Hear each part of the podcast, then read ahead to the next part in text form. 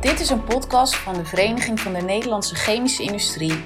We starten deze zomer met een driedelige serie podcasts. En in deze eerste aflevering gaan we het hebben over de verkiezingen van volgend jaar en de kabinetsformatie. Roderick Potjer en Paul Nedemeijer vertellen je de ins en outs.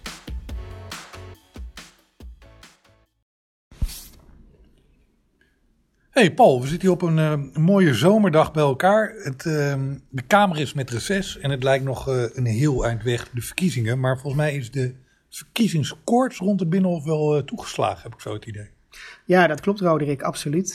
recent hebben we natuurlijk de lijsttrekkersverkiezing meegemaakt van het CDA, waarbij Hugo de Jonge nipt ja, door de CDA-leden is aangewezen als, als de overwinnaar. Maar dat was ook echt nipt. Um, dus dat is zeker, nou dat is bijvoorbeeld al een, een, een puntje waarvan je kan zeggen van ja, daar begint al behoorlijk eh, de koorts op te lopen. Uh, verder heb je natuurlijk ook nog uh, Sigrid Kaag, die uh, de beoogde nieuwe lijsttrekker is van D66. Dus moeten ze nog kandideren, toch? Er zijn meerdere mensen kunnen zich aanmelden als kandidaat. Ja, ja, meerdere mensen kunnen zich aanmelden als kandidaat. Maar de vraag is natuurlijk of ze dat ook doen. Ik heb zelf de indruk dat, C, dat D66-leider straks Sigrid Kaag uh, toch wel uh, degene zal zijn die aangewezen zal worden. En wanneer, uh, wanneer kunnen leden kunnen stemmen bij D66? Klopt, D66 is natuurlijk een vooruitstrevende partij en zij willen via e-voting in september het proces openen en op die manier dus ook de, de nieuwe lijsttrekker aanwijzen. Heel mooi, oké. Ja, en verder uh, wel interessant natuurlijk ook zijn de ontwikkelingen bij de VVD. Um, daar is nog steeds geen uh, uh, zeg maar nieuwe lijsttrekker voor de volgende ronde aangewezen. Um, normaliter gebeurt het ook zo ongeveer rond deze tijd. Maar vanwege corona en alle omstandigheden uh, hebben ze denk ik intern besloten om uh, dat uit te stellen. Zodat uh, Rutte nog steeds de staatsman kan spelen. Dus het hoofdbestuur van de VVD heeft aangegeven dat ze, ik meen in december, zullen bekijken wie dan namens de VVD de kar zal gaan trekken. Nou ja, hoogstwaarschijnlijk wordt dat dus gewoon Rutte. Want nu kan hij gewoon de komende maanden de, de, de, ja, de staatsman spelen. Dan is hij geen lijsttrekker, geen partijman, maar dan is hij ja. de premier. Exact. Ja. En op die manier... Eigenlijk een campagnetruc. Eigenlijk wel. Ja, hij loodst als het ware uh, op staatsmanachtige manier ja, de, de, de partij verder. En dat is gewoon heel slim bedacht. Ja. En dan heb je volgens mij nog de bekende, wat Ascher en Van der Staaij. En, uh... Ja, want bij de meeste andere partijen zijn de lijsttrekkers ook al bekend. Uh, ook hier geldt natuurlijk wel dat de leden die nog wel officieel moeten goedkeuren. Maar uh, nou ja, Lodewijk Asscher wil door in de Partij van de Arbeid. Segers wil graag door bij de ChristenUnie. Ook Ouwehand bij de Partij voor de Dieren. net als Klaver bij GroenLinks. En vergeet Ouwehand natuurlijk... is nieuw natuurlijk. Ja, dat klopt. Ouwehand is nieuw. Nou, dat is waar. Maar ze loopt natuurlijk al wel een tijdje mee. Ja. Vandaar dat, dat ze eigenlijk al een oude bekende is. Uh, we mogen natuurlijk niet uh, Marijnissen vergeten bij de SP en uh, Van der Staaij bij de SGP. Um, dus dat, uh, ja, en dat betreft... Krol moet je niet vergeten. Ja, en Krol dat... is weer uh, lijsttrekker van een partij die weer samengesteld is uit de partijen van uh, ja, nog klopt. drie partijen. Ja, inderdaad. En bij 50PLUS is het bij mij weten ook nog niet bekend wie daar de kar gaat trekken uiteindelijk. Maar uh, Henk Krol inderdaad met de Partij voor de Toekomst, die ook nog eens samen gaat uh, fuseren met uh, Go. Van groep Otte. Dus dat zijn interessante die kwam partijen. Van, die kwam van Forum voor Democratie, hè, Otte? Ja, inderdaad. Ja. Hij zit nu in, in de Eerste Kamer als senator. En Thierry Baudet zou ook lijsttrekker zijn. Ja, ik denk het haast wel. Nou, dat is duidelijk. Ja, dus, het is duidelijk dat de verkiezingen eraan komen. Maar um, wat moeten wij als chemische industrie hiermee? We hebben toch, we hebben toch genoeg te doen? En waarom moeten wij ons hier tegenaan bemoeien? Ja, nou ja, de chemische industrie uh, uh, is natuurlijk een hele belangrijke industrie in Nederland. De industrie der industrieën. We vertegenwoordigen ongeveer 50.000 medewerkers in Nederland. Uh, en een belangrijke industrie die als het ware op het gebied van energie en klimaat, op het gebied van veiligheid, gezondheid, milieu, ehm, toch zeker wel een aantal belangen heeft die geborgd moeten worden. En in opmaat naar de verkiezingen worden natuurlijk de, de, de verkiezingsprogramma's opgesteld. En wat daarin komt te staan, of juist wat daar niet in komt te staan, dat is natuurlijk heel erg belangrijk. Dus vandaar dat het ook voor onze leden heel erg belangrijk is om daar uh, een oogje in het zeil te houden en uh, het liefst over mee te denken. Maar die verkiezingsprogramma's, dat zijn eigenlijk de, de, de basis waarop, de, waarop het regeerakkoord wordt samengesteld. Ja, dat klopt inderdaad. De wensenlijstjes, wat zijn het? Ja, kijk, uh, elke partij haalt natuurlijk ideeën op in de achterban, heeft natuurlijk een bepaalde ideologie, hoewel sommige partijen ook geen ideologie hebben, maar meer een beweging zijn. Uh, maar ja, goed, op de hoofdlijnen zullen ze het, zijn de uitgangspunten denk ik wel bekend. Dus het zit met name, ja, het venijn zit ook hier in de details. Um, dus daar wil je natuurlijk uh, over meedenken en meepraten als dat kan. En dat kan op verschillende manieren. Maar dat is voor ons als industrie zeker belangrijk. Ja, dus het is belangrijk om te kijken hoe uh, de partijen, wat die voor standpunten hebben, waar die voor staan. Kijken hoe dat aansluit op wat, de, wat voor de chemische industrie van belang is. En zorgen dat we op dat proces ook, waar dat mogelijk is, invloed kunnen hebben. Dat is eigenlijk wat we de komende tijd voor elkaar moeten krijgen. Dus het standpunt van de sector proberen te vertegenwoordigen bij die partij? Uh, ja, dat is een hele scherpe analyse. En daar wil ik eigenlijk nog aan toevoegen dat uh, je natuurlijk niet begint met je belangenbehartiging op het moment dat uh, de, de, de, de verkiezingsprogrammacommissies aan de slag gaan met het schrijven van allerlei programma's. Het is natuurlijk een ongoing pro proces. Feitelijk begin je na de verkiezingen alweer met je belangenbehartiging voor de verkiezingen die daarop plaats zullen gaan vinden. Dus het is, uh, je bent constant daarmee bezig. Het is bij die partijen een stapeling van ideeën vanuit het verleden. En, uh, en, en, en, op die manier bouwen zij een verkiezingsprogramma op.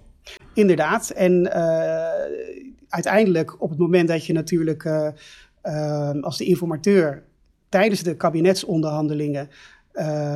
dat er een coalitie uit voortgekomen is, dan wordt er natuurlijk ook onderhandeld over het regeerakkoord. En ja, dat is geven en nemen voor zowel alle partijen.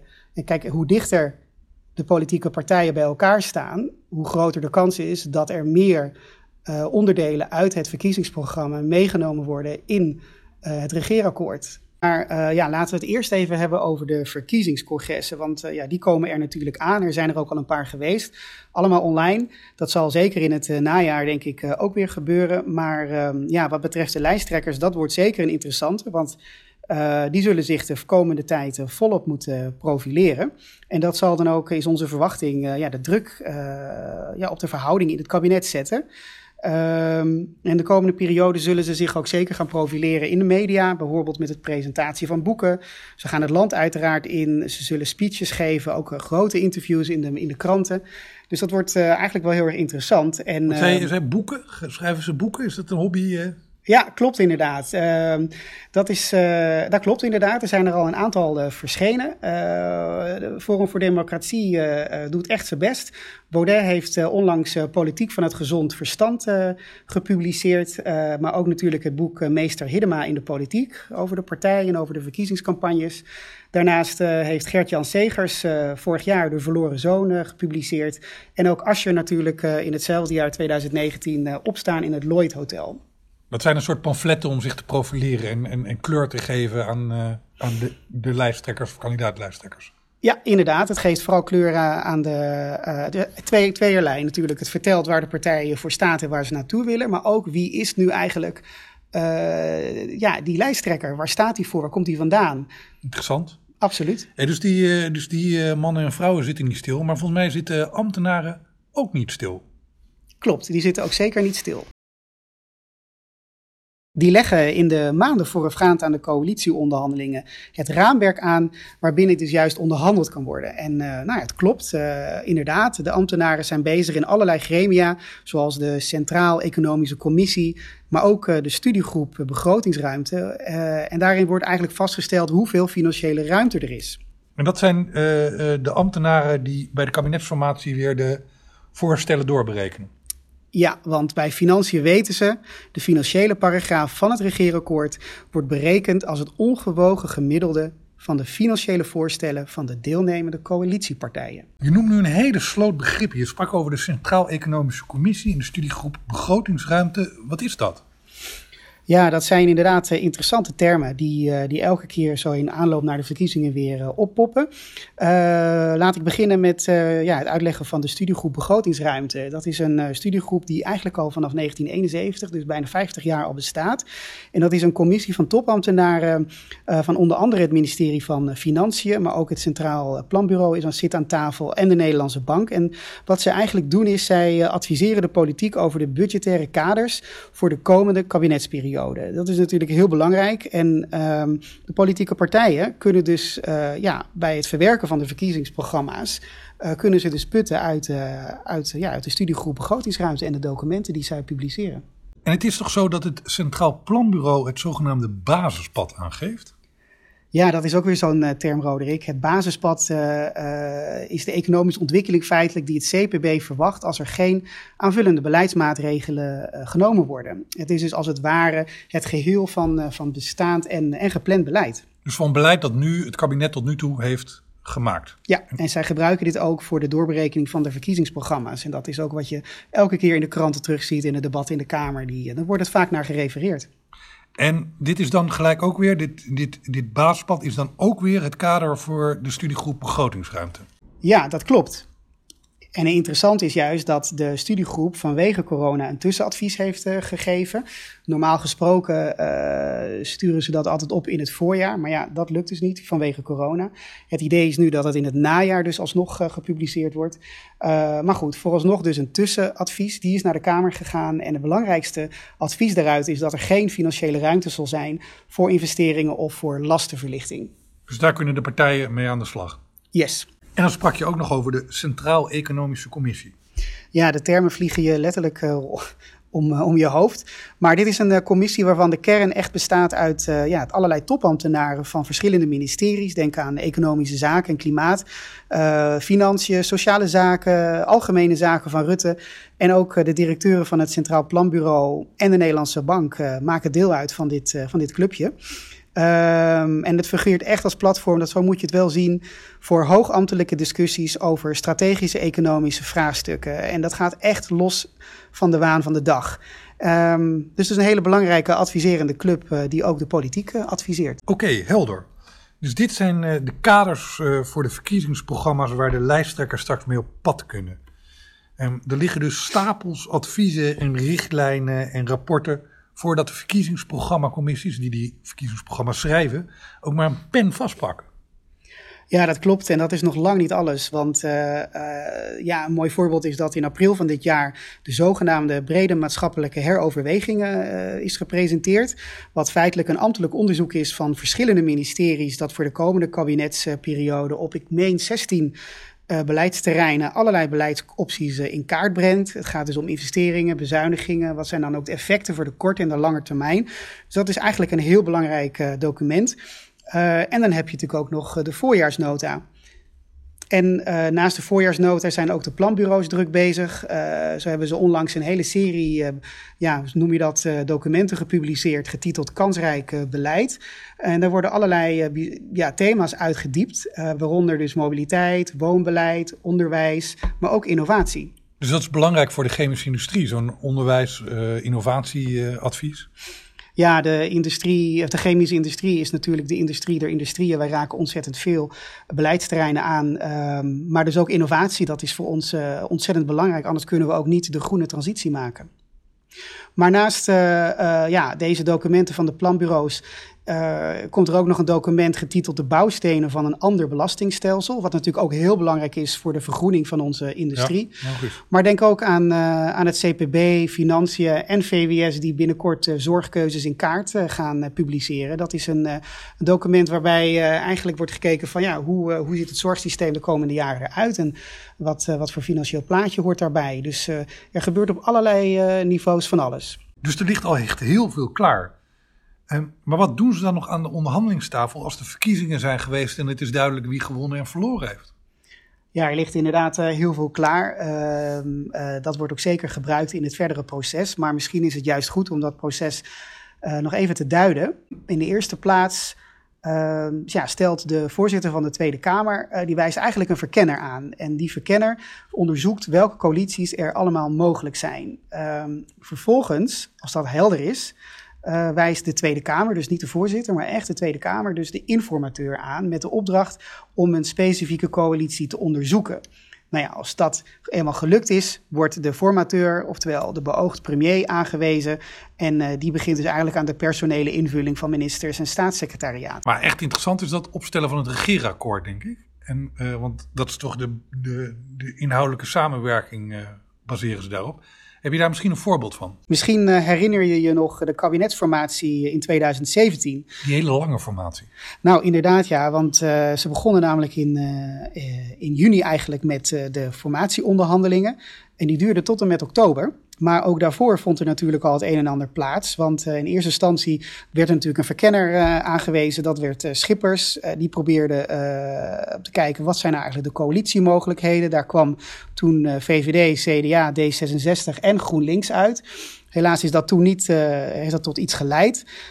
vervolgens ehm, heeft Cenk Willink nog een poging gewaagd. Uh, daar kwam vervolgens VVD, CDA, D66 samen met ChristenUnie uit. En uh, Zalm is toen uh, aan de slag gegaan als informateur. Ja, om echt de kabinetsformatie... De oud-minister Zalm. Oh ja, ja, klopt, inderdaad. Dat is de oud-minister van Financiën uit de jaren negentig. Um, en die heeft toen geprobeerd om een kabinetsformatie tot stand te brengen en heeft ook de onderhandelingen begeleid.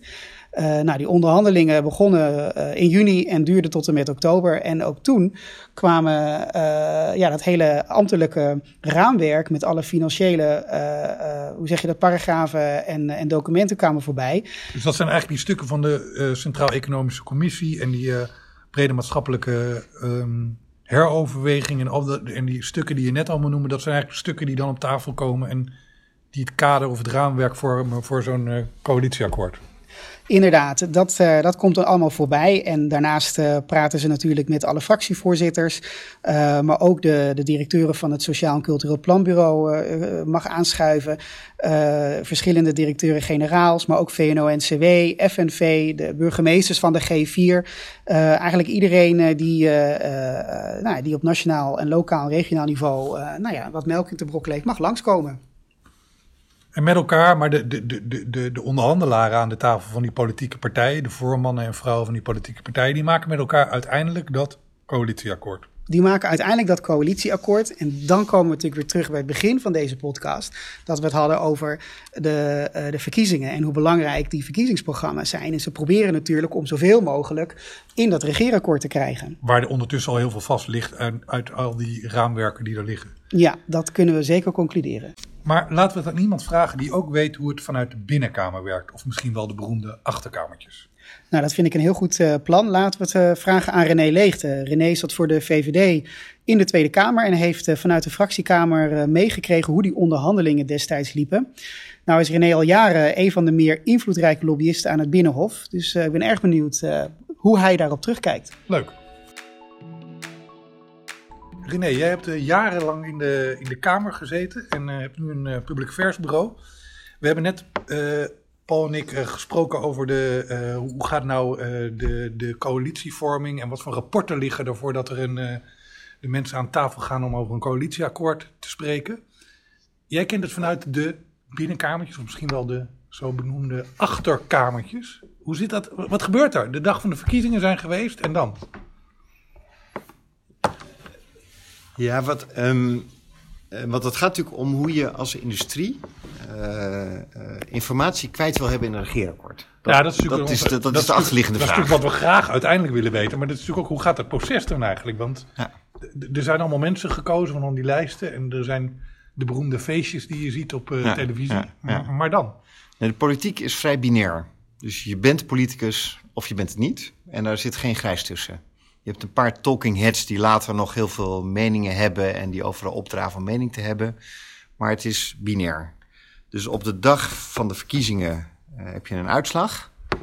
Uh, uh, dan wordt de week daarna wordt even gecontroleerd of al die Kamerleden hun geloofsbrieven goed hebben ingediend. En dan de week daarna wordt de nieuwe Tweede Kamer geïnstalleerd. Dat zijn dan de Kamerleden.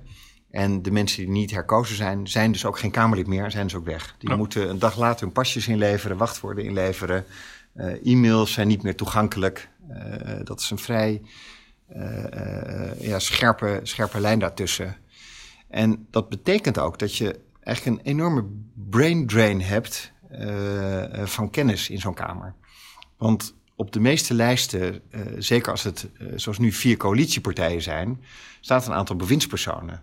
En die bewindspersonen die blijven in de demissionaire periode minister, maar staan wel op de lijst. Dus die zetels worden in de Tweede Kamer niet vervuld, omdat ze eigenlijk een dubbelrol hebben. En omdat ze druk zijn met uh, ja, het regeren van het land, zie je dat de fracties van de demissionaire coalities eigenlijk onderbemand zijn. Vaak veel nieuwe mensen erbij en de mensen met ervaring die zitten in de regering. En wat er dan gebeurt is dat, en dat is nieuw, dat is sinds 2011. Toen is de rol van de Kamer in een formatieproces belangrijker geworden. Dan gaan de fractievoorzitters van alle fracties in de Tweede Kamer gaan bij elkaar zitten. En die gaan een verkenner benoemen. En die verkenner die moet dan kijken welke coalities mogelijk zijn. Ja. En dat is dan de basis. proces hebben we net ook al een beetje uitgelegd, maar het is wel goed Ja. om uh, een toelichting op te geven. Hoe dat dan werkt.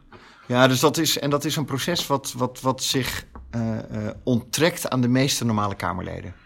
Dus dat is echt een, een, een, traject hoe dat uh, vormgegeven wordt uh, tussen de, ja, de top van de partij, dus de partijleiders, die vaak fractievoorzitter zijn, uh, en één of twee getrouwen, die gaan met elkaar nadenken uh, van wat is nou een persoon die, dat, die zo'n verkennende rol het beste kan doen. Nou, vaak wordt dan gekeken naar de grootste winnaar van zo'n, van zo'n fractie. in het geval van Rutte 3 is Edith Schippers gevraagd. Uh, die tegenwoordig bij DSM. Die tegenwoordig bij DSM Nederlandse CEO is van, van, van het DSM. maar zij is toen gevraagd om te verkennen wat is nou een coalitie die mogelijk zou kunnen zijn. En gaat het dan al om inhoud of zijn ze dan echt nog naar personen aan het kijken? Of nee, is gaat... eigenlijk al. We hebben het verkiezingsprogramma waar Paul en ik het net over hebben gehad, hebben we al in onze achterzak zitten. En we ja. weten eigenlijk al, we moeten die persoon hebben, want die kan onze inhoud verder brengen.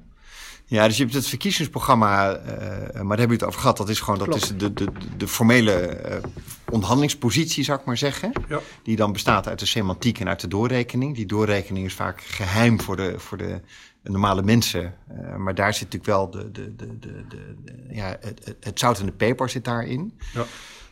Um, waar het dan nu over gaat, is de kijken op wat voor manier je een meerderheid zou kunnen krijgen in de Tweede Kamer. En dat gaat over de uh, partijen. Dus welke partijen hebben gewonnen? Uh, zijn die bereid tot samenwerking? Formeel heb je vier rondes. Dus formeel gaat het over het onderzoek welke coalitie zou kunnen. Dan heb je het onderzoek wat zou dan het uh, akkoord kunnen zijn. Dan krijg je de verdeling van de portefeuille. Dus als je die basis hebt van het regeerakkoord, krijg je wie gaat dan wat doen. Dat zit natuurlijk ook belangrijk in. Als je Partij van de Arbeid bent, dan wil je misschien juist sociale zekerheid hebben, of juist financiën, of juist iets anders. En uiteindelijk de vierde fase is dan dat er personen worden gekozen die bewindspersoon worden. Dan hebben we die vier fases die hebben nu, die, die, nou ja, die gaan, gaan de, de, de politici doorlopen. Maar wat gebeurt er dan binnen die spreekwoordelijke vier muren van het, uh, van het binnenhof? Ja. Ja, die fases, dat, dat, dat, dat, dat klinkt strikter dan het in de praktijk is. Want natuurlijk, dat, dat, dat itereert, dat, dat loopt door elkaar heen. Um, maar wat er in eerste instantie gebeurt... En ik moet zeggen, mijn blik is vanuit de VVD. Uh, want ik heb het twee keer meegemaakt. één keer bij Bolkestein uh, uh, in 94. En nou, later, medewerker. Toen was ik medewerker, ik was toen zijn secretaris. En later bij de drie kabinetten Rutte. Um, de grootste partij heeft in principe het initiatief. En uh, dus de partijleider van die grootste partij uh, is de belangrijkste persoon om die vier processen aan elkaar te rijgen. Mm -hmm. En wat je uh, bij Rutte zag, die wil eerst op hoofdlijnen weten waar we willen landen. Dus waar wil je uitkomen? Op de inhoud. Op de inhoud. Ja. En die kijkt vanuit die hoofdlijnen, die je eigenlijk vanuit de campagne, verkiezingscampagne, zie je wel waar de grote verschillen zitten na te denken, waar kun je elkaar vinden en kun je elkaar overbruggen. Ja. Um, die mensen gaan bij elkaar zitten om een coalitie te vormen. Nou, bij Rutte 3, wat het verst in de geschiedenis zit, want het laatste kabinet, heb je bijvoorbeeld gezien dat uh, GroenLinks het uiteindelijk niet durfde op de migratieparagraaf. Ja. Die dacht, dat kunnen wij niet verkopen. Als linkse sociale partij uh, gaan we te veel pijn doen. Uh, en zijn toen uit die onderhandelingen gestapt. En daardoor is er ruimte ontstaan, een beetje met hikken en opstaan, uh, met D66, ChristenUnie, uh, CDA en de VVD, wat er nu zit. Ja. Um, en, dat, uh, en de reden dat dat gelukt is, is partijen moeten elkaar kunnen vertrouwen. Daar is die eerste fase van belang, van, van, van gewoon de persoonlijke match.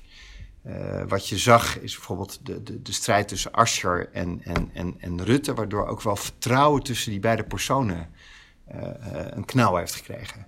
Want ze waren vriendjes. Het was het kabinet Rutte-Asscher de periode hiervoor. En als je dan eens zo heel erg af gaat zetten tegen beleid waar jij zelf voor de helft voor verantwoordelijk was, dan geeft het een knauw in het vertrouwen. Ja. Net zoals bij Wilders. Uh, uh, bij Rutte 1 was het een, een, een, een, poging om te kijken: is die man in staat uh, regeringsverantwoordelijkheid te nemen? Antwoord nee. Dus het vertrouwen om iets te doen met, met Wilders is heel laag. En volgens mij sluit de VVD niemand uit en nog een paar partijen, maar je moet wel kunnen bouwen op het woord wat gegeven is. Wat gebeurt in die beginfase? En dan gaan die vier partijen met elkaar nadenken als ze op die hoofdpunten die uit de campagne zijn gekomen, waar de grote verschillen zitten. Oké, hoe gaan we dat dan verder uitrollen? Hoe gaan we dat uitwerken? Hoe kom je dan tot, tot een programma wat, wat eigenlijk voor vier jaar uh, te bereiken is? Want die eerste fase, die is dus echt, gaat echt op vertrouwen van persoon. Dat gaat niet eens echt over inhoud. Dat gaat gewoon, kunnen we eigenlijk met elkaar op, door een deur als, als top van die partijen. Als het spannend wordt en als je op de hoofdpunten elkaar kan vinden. Ja. Dus in, in, in de huidige tijd uh, is klimaat en energie zo'n belangrijk thema. Ja. Dus dat zou een belangrijk onderdeel worden van de campagne, verwacht ik. Maar ik ben een beetje bedrijfsblind ook. Uh, de COVID, dus hoe ga je om met dat soort ziektes en financiering? Ja. Uh, dus het op orde krijgen weer van de staatsfinanciën, dat zullen grote thema's worden. De zorg die natuurlijk blijft bestaan. Nou, de, de, tijdens de campagne wordt daarover gedebatteerd. Ja. En een debat, is ook goed om je te realiseren, is niet uh, een moment om elkaar te overtuigen, maar is een moment om verschillen te vergroten. Als, als, als Rutte iets zegt tegen Klaver dan, en Klaver zegt iets terug, dan zegt Klaver niet, maar Rutte moet mij geloven. Maar dan zegt Klaver tegen zijn achterban, kijk eens hoe gaaf GroenLinks ik ben. En dan zeggen zijn leden, ah, dat is echt mijn man, want ik herken me in, in hem. En een grote groep die nog niet bedacht heeft op welke partij ze stemmen, gaat denken: Nou, wat Klaver zegt is eigenlijk best interessant. Ik zou ja. kunnen overwegen uh, GroenLinks te stemmen. Dus uh, die campagnes, waarin die verschillen zo uitvergroot zijn, die wil je in de coalitiefase weer verkleinen. Want dan wil je gaan samenwerken. Ja. En dan is het dus de kunst zijn die standpunten die zijn ingenomen, nou voor de buren geweest in het spel, te overtuigen op jouw partij te stemmen. Of zijn dat echt hele fundamentele dingen waarvan een partij zegt: ja, maar dit, hier gaan we niet overheen? Ja. Bijvoorbeeld, ChristenUnie die zit met D66 in het kabinet. Uh, maar ethisch-medische kwesties zijn niet onderhandelbaar voor de ChristenUnie. En dan is de vraag: hoe ga je daarmee om? Hoe maak je, nou, afspraken hoe maak je daar afspraken over? Ja. In dit geval is de oplossing: we gaan niks doen. Dus D66 wil heel veel. Nou, er zijn volgens mij laatst ook weer wat geroepen. Dat is natuurlijk een beetje pesten van de ChristenUnie. Maar dat is dan wat dan de afspraak is. En dan is dat onderwerp is, is, is overbrugd. Zijn er dan nog andere dingen? Nou, migratie was ook in dit kabinet een groot punt. We hadden toen die, die, die, die stroom vluchtelingen uit het Midden-Oosten. Hoe ga je daarmee om? En is de Europese deal, die toen net in de maak was... Door Malik Asmani heeft dat toen gedaan in Rutte 2... Uh, is dat iets waar we als Nederland vinden... ja, dat is een verantwoorde manier om met migranten om te gaan... of vinden we dat niet goed? Nou, de oplossing die gevonden is, we volgen Europa. Daarmee was dat, die hete aardappel ook opgelost. Nou, dan ga je kijken naar, naar energie. En dat is niet... En dit is allemaal nog fase 1? En dat is allemaal fase 1. Dat is ja. niet dat je in die fase de details uitwerkt... maar wel of je elkaar op hoofdlijnen daarop kan vinden... en of je dan ook vertrouwt... nee, als we dan die deal maken, dan staan we er ook voor. En ben jij als, als, als, als, als gemiddeld Kamerlid of, of medewerker van de word je al bevraagd? Heb je dan al, uh, moet je al informatie aanleveren of moet je al wat doen? Nee, de Kamerleden zijn, zijn, zijn daar... die hebben een bescheiden rol... Uh, voor een deel is dat verklaarbaar, omdat een aantal Kamerleden gewoon helemaal nieuw zijn. Ja. Uh, die moeten echt hun weg nog vinden in de Kamer. Uh, waar is welke ruimte mm. enzovoort. Hoe werkt zo'n... zo'n een soort brugklas. Ja, een brugklas. ja, dat je rondleiding krijgt. Je hebt ook inwerkprogramma's en zo. Dus, dus, dus de, de, meeste van die nieuwe Kamerleden... die, ja, die hebben ook niet een achtergrond per se in het onderwerp wat dan speelt. voor ervaren Kamerleden speelt dat anders. Dus als je nu kijkt naar bijvoorbeeld de VVD-fractie, die ik dan goed ken. Als iemand als André Bosman uit Zeeland een periode doorgaat, ja, dan heeft hij veel ervaring. En dan kun je verwachten dat een fractievoorzitter naar André gaat. hoe denk jij over deze onderwerpen? Of Pieter Omtzigt bij het CDA. Of, of ja. dat soort ervaren Kamerleden, daar wordt natuurlijk naar gekeken, omdat die, die kennis Dus die moet je in de gaten houden? Die moet je in de gaten houden. Ja. En de assistenten van de fractievoorzitters. Want dat zijn de oliemannetjes die informatie ophalen. En dan, dan, dan, dan is er een, een, een, constellatie waarin ze misschien met elkaar verder kunnen. Dan ga je naar die, naar die volgende fase door? Dan ga je naar die fase van die fase 2, als je het formeel zou scheiden, die echt Ja. gaat over het tot stand komen van het regeerakkoord. En dan wordt er onderhandeld. En zo'n onderhandeling, daar is, is eigenlijk ook niet echt een blauwdruk voor. Dat is, hangt weer heel erg af van de personen die aan tafel zitten. Eh, eh, bij Rutte 2 was het een hele kleine groep onderhandelaars. Dat het kabinet geweest Het van kabinet Ars- van, van, eh, van Partij Rutte van de en, Arbeid. eh, ja. Rutte, dus Rutte Asscher. Ja. Een heel klein clubje onderhandelaars. eh, waar uiteindelijk toen het onderhandelingsakkoord op tafel kwam, fracties heel weinig tijd hadden om daar goed naar te kijken. Eh, dus die moesten eigenlijk binnen zoveel uur zeggen: Oh, wat een gaaf akkoord. Omdat de gedachte was: als fracties lang nadenken, dan is de beeldvorming niet goed. Eh, eh, nou, uiteindelijk is daar het hele nivelleringsfeestje uitgekomen. En een enorme knauw in het vertrouwen van die partijen. Die ook heeft geleid tot een enorm verlies in de Eerste Kamer eh, van de coalitiepartijen. Ja. Dus te klein is de les, is niet goed. Eh, je moet zorgen Een dat kleine je wel- groep een mensen te kleine groep mensen, eh, precies, een kleine groep mensen die met elkaar onderhandelt, is niet goed als, voor het draagvlak in zo'n fractie. ja. En ook omdat je dan fouten kan maken, is natuurlijk eh, die kans is groter. En is daar iets voor geleerd toen, toen de Ru- Rutte 3 werd onderhandeld? Ja, dat denk ik wel. Dat want denk ik wel. Want toen zijn er meer onderhandelingsteams gekomen. Die waren wat groter. Dus dat toen clubjes die met elkaar bepaalde thema's nadachten. En daar met elkaar als woordvoerders eh, mee aan het Dat onderhandelen zijn, waren. kamer, dat zijn Kamerleden zijn die bij elkaar gaan zitten ja. van die verschillende Ja. partijen. Die gaan bij elkaar in een hok zitten en die gaan Ja. iets schrijven over biomassa of over... eh, Precies, dus je hebt dan, eh, dus, je- dus je had, ja, toen had je de hoofdonderhandelaars, de fractievoorzitters, die hadden hun waterdragers, Wouter Koolmees, eh, Carola Schouten, eh, waren de types Halbe Zelstra die Ja. vanuit de VVD dan meedeed. En eh, die haalden dan weer informatie op bij de specialisten in de fractie. Ja. En dan heb je als Kamerlid dus echt wel, eh, dan heb je inbreng en dan heb je Ja. informatie aan te leveren. Maar zoals altijd en overal ehm, gaat het erom waar je wil landen. Dus ook voor zo'n Kamerlid geldt. eh, je kan natuurlijk in verwondering en blijdschap rondlopen van wauw, ik ben Kamerlid. Ja. Wat voor sommigen het doel op zichzelf is en daarna houdt het denken op. Maar je kan ook denken, wacht even, ik heb hier nu een rol en positie en ik kan invloed uitoefenen. Ja. Dus ik leun voorover. Ik ga actief op thema's die ik belangrijk vind eh, eh, naar die onderhandelaars toe om te zeggen, wacht even, vanuit de VVD of vanuit het CDA of vanuit de SP gezien, eh, zijn dit belangrijke punten. Dus dit zou niet onderhandelbaar moeten zijn. En dit klinkt, als, je, als ik dit zo hoor van jou, dit klinkt als een moment voor, voor, de, voor de publieke affairs mensen wel als een, als een belangrijk moment.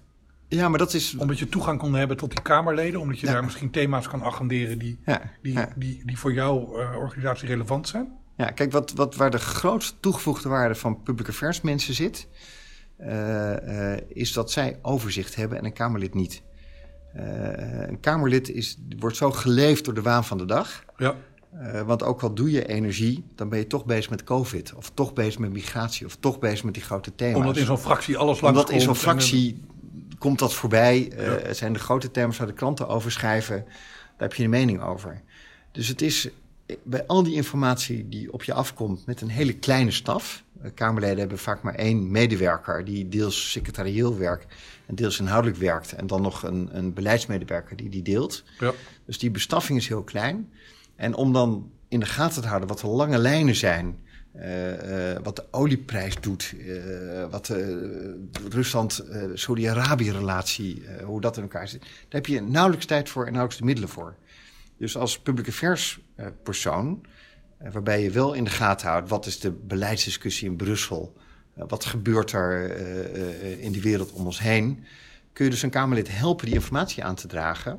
En als je dat slim doet en je doet dat behapbaar en op tijd, dan kan zo'n Kamerlid daar zichzelf, kan die, kennis verwaarden tot een strategische beïnvloeding van het beslissingsproces. Ja. En dus ook in zo'n formatieperiode is het heel belangrijk dat je eh, eh, eh, probeert natuurlijk die hoofdonderhandelaars te bereiken, maar die zijn vaak druk en redelijk afgeschermd. Maar dat je dus ook de, de woordvoerders in de Kamer zoekt die, die affiniteit hebben met het onderwerp. Of omdat ze de oud-woordvoerder zijn, of omdat ze een, een achtergrond hebben in, in, in, in chemie, energie, klimaat. Ja.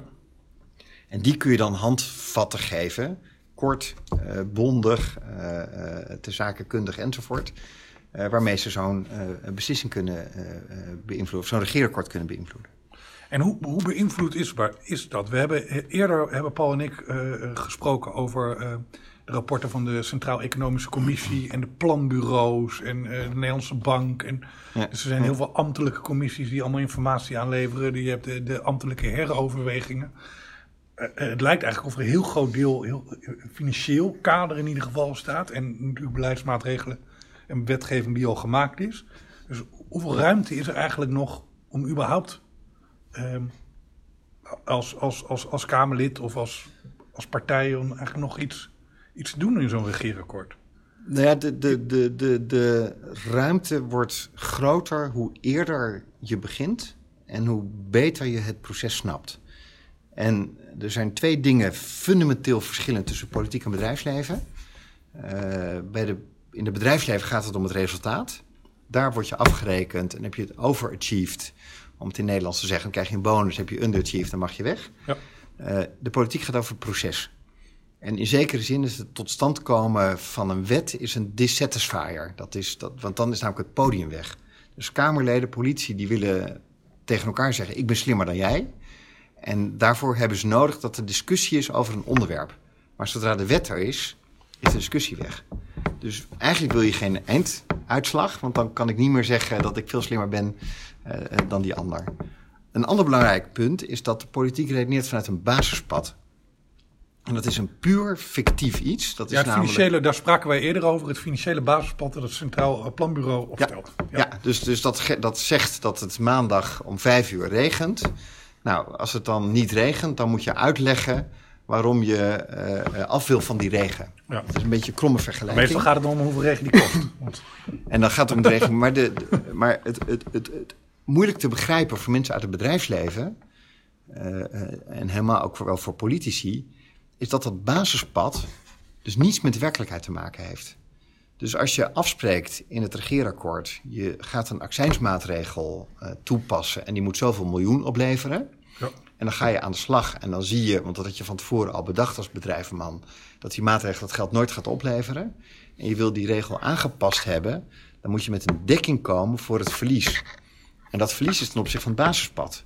Ja. En pas als het jaar voorbij is en het blijkt dat die maatregel niet gewerkt heeft, dan ontstaat er nieuwe ruimte. Maar als je in die tussentijd uh, dat wil aanpassen, dan moet jij dus met de dekking komen. En de dekking, je krijgt het geld niet binnen, uh, is niet hoe het ministerie van Financiën in elkaar zit. Maar zo zit dat dus ook voor het regeerakkoord. Dus je, het bestaande beleid vanuit het basispad moet je, ja. moet je dat dus voor gaan aangeven. Daar moet je dekking voor gaan vinden. Dus het regeerakkoord dat bouwt voort op wat er nu gebeurd is. Ja. Uh, dus een van de belangrijkste plekken om invloed uit te oefenen zijn ook de ambtelijke werkgroepen. Ja. Zijn de overdrachtsdossiers die nu worden opgebouwd. Want je zegt er is weinig ruimte uh, dat is waar, want 95% van, van het geld is al belegd. Is al bedacht waar dat naartoe gaat. Dus de, de, door de huidige en voorgaande regeringen. Door de huidige en voorgaande regeringen. Ja. Dus we weten al hoeveel geld er naar sociale zaken gaat. Hoeveel er naar onderwijs gaat. Hoeveel defensie. Dat zijn allemaal langjarige contracten. Dus de hoeveelheid geld wat je vrij kunt, over kunt beschikken is, is, is gering. Ja. Uh, uh, ja, en, en, en, en punt. En um, uh, um, er is dus heel weinig ruimte. Dus, dus het lijkt bijna of zo'n regeerakkoord, of dat, of dat politieke franje zijn waar helemaal geen geld aan zit. Dus leuk dat we dit afspreken, maar als er geen, geen geld aan vastzit, dan is, het, dan is het symboolpolitiek. Althans, zullen we ze in het bedrijfsleven zeker zo zien. Ja, als er geen geld aan zit, dan is het symboolpolitiek. Dus je moet ook kijken, als je zo'n regeerakkoord dan ziet, van hé, hey, wat is, uh, hoe wordt aan de uitwerking ervan gewerkt? Ja. En als er geen geld is, of ministers zonder portefeuille, ja, die heeft weinig invloed. Uh, want uiteindelijk gaat politiek om het verdelen van schaars geld. Ja. Um, maar het, het, het, het, het is van belang om, om dat systeem te snappen. Ik, ik, ik hou mezelf een beetje, omdat het zo belangrijk is... omdat het ook zo moeilijk te doorgronden is. Het is van belang om te snappen dat een regering uitgaat van een basispad... dus van een soort afgesproken idee, een begroting... zou je een beetje mee kunnen vergelijken zoals een, ja.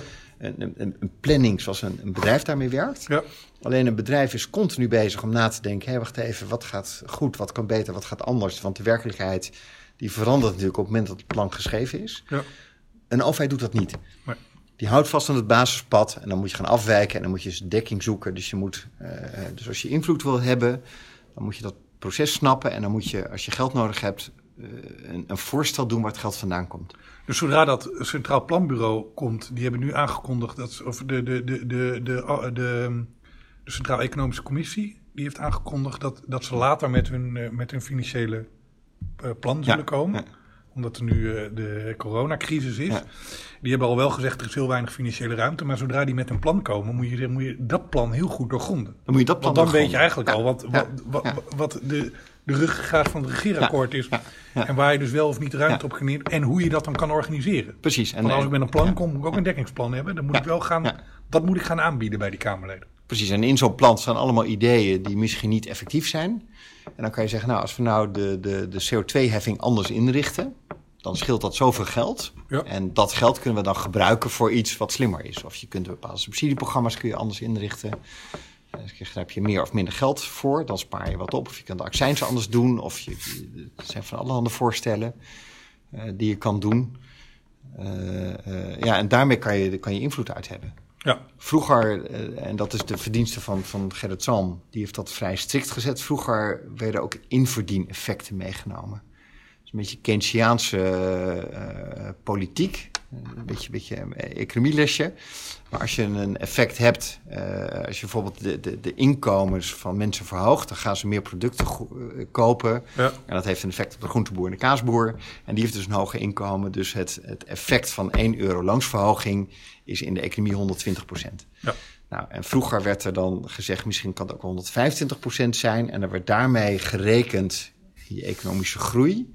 Wat dus verslaat op de inkomsten die de overheid dan krijgt. En daarmee kon ze een leuke plannen doen. Nou, dat was potverteren.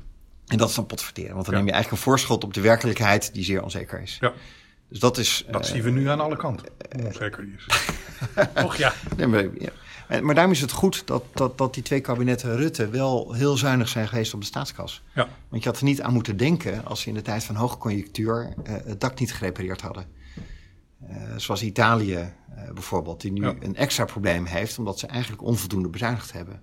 En nu moet je ineens veel geld uitgeven, wat ook logisch is, want ik denk dat het goed is om nu te zorgen dat die economie niet door zijn hoeven zakt, maar dan moet je dat geld wel hebben. Ja, volgens mij hebben we nu bijna een regeerakkoord. Dus je hebt verteld hoe dat, hoe dat gaat. Uh, nou, ze zijn eruit, de handtekening wordt gezet. Maar wat hadden we nog meer kunnen doen dan? Of wat kunnen we doen? Ja. Weet je, wat kunnen we straks, als dit proces, zoals jij beschrijft, echt gaat lopen? Kunnen we nou kunnen we meer doen om ons standpunt uh, zover te krijgen? Net zoals al die andere partijen waarschijnlijk gaan doen. Nee, precies. maar ik denk wat waar we het over gehad hebben, je hebt die formele beïnvloeding. Hè? Dus je een brief aan de informateur, een brief aan de formateur, benaderen van de fractievoorzitters, de, de, woordvoerders, de ambtenaren niet vergeten, dus de DG's. Maar goed, dat, dat netwerk hebben jullie goed.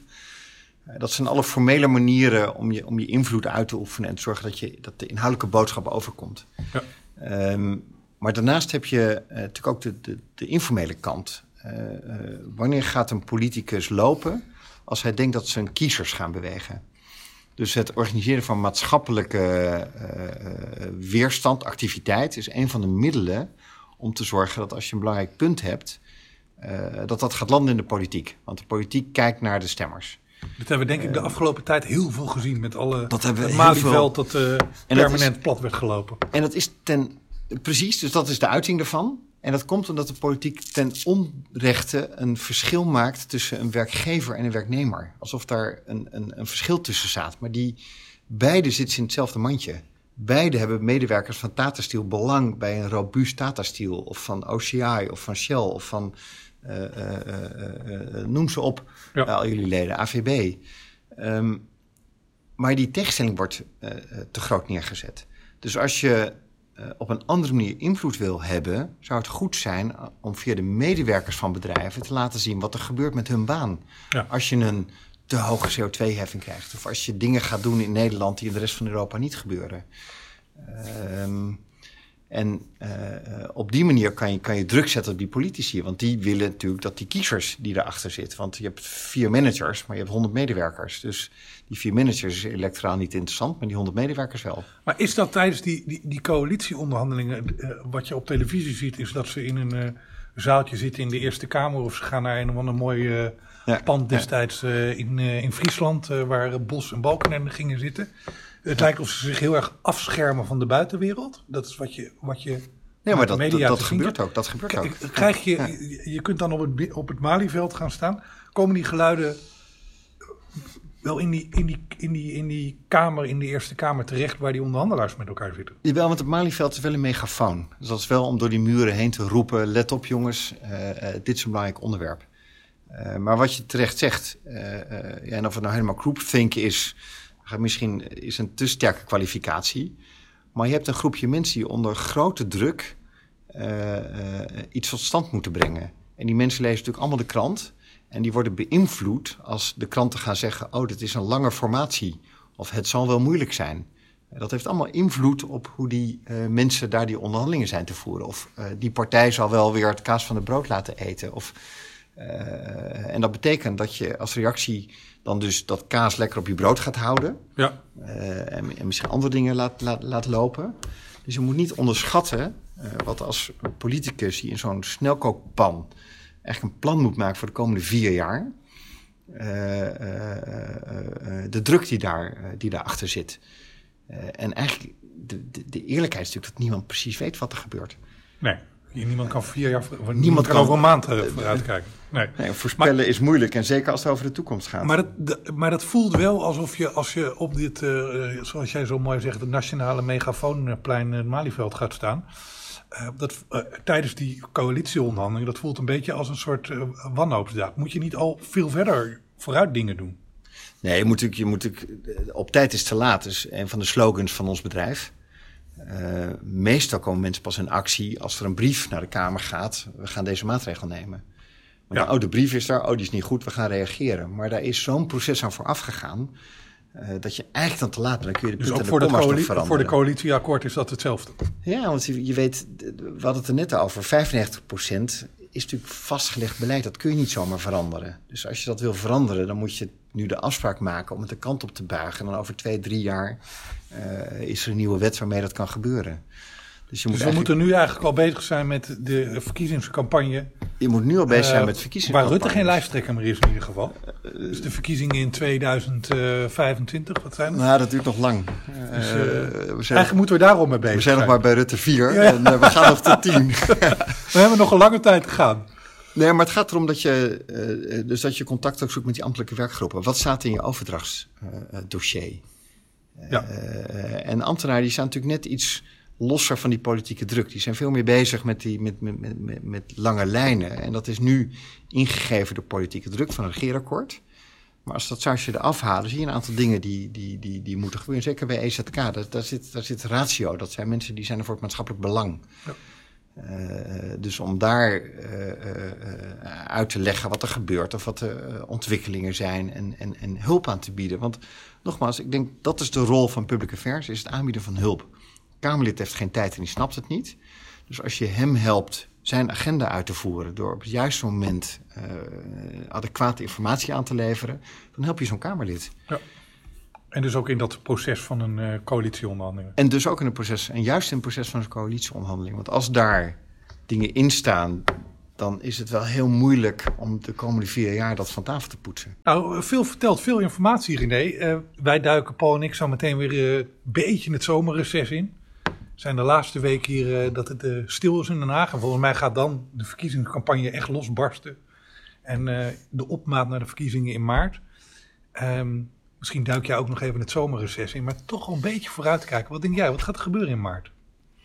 Ja, voorspellen is moeilijk, zeker als het over de toekomst gaat.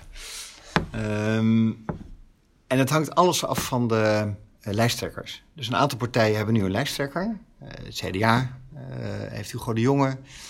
Ehm, eh, D66 heeft Kaag benoemd. Niet zo democratisch, maar wel benoemd. Ah, die moet Ehm, nog gekozen worden. Ze moet nog proces. gekozen worden, Ja. maar keuze uit één. De- Rutte die houdt het nog een beetje in de lucht. Dus de vraag is wie eh, eh, tegen elkaar op gaan boksen.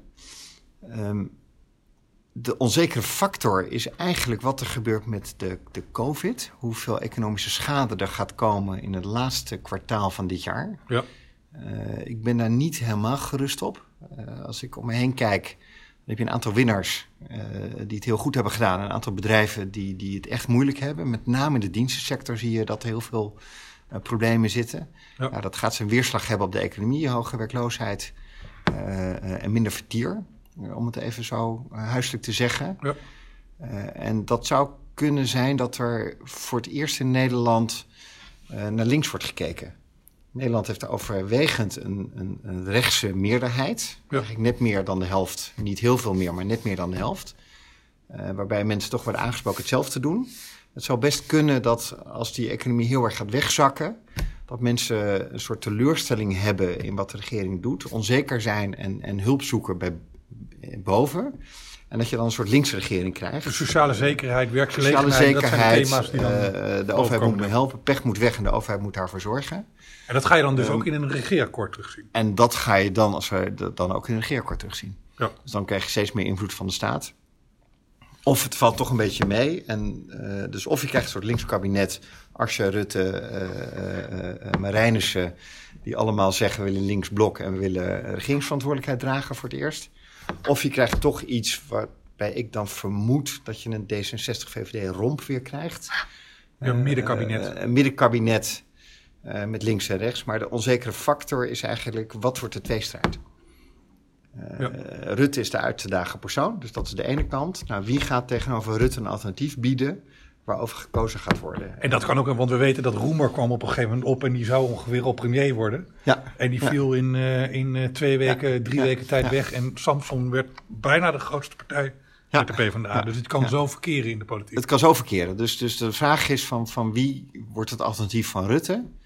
Eh, als dat iemand van de rechterflank wordt, nou, dan krijg je een meer rechtsmiddenkabinet. Als dat iemand wordt van links, als Marijnissen ineens de geest krijgt, of, of, of Jesse Klaver of Asscher, dan wordt het een rechts-links en dan kun je zomaar weer eh, echt zo'n ja, kabinet van extreme krijgen. Maar het wordt een spannende tijd, dat is zeker. Het wordt een drukke tijd. Volgens mij wordt het een drukke tijd voor iedereen die ook eh, invloed wil hebben op de politiek in Den Haag. Ook al ben je te laat als je, als je op tijd bent. Ja, maar wordt het toch een drukke tijd, denk ik. Maar het belangrijkste is om mensen een beetje de ruis weg te nemen.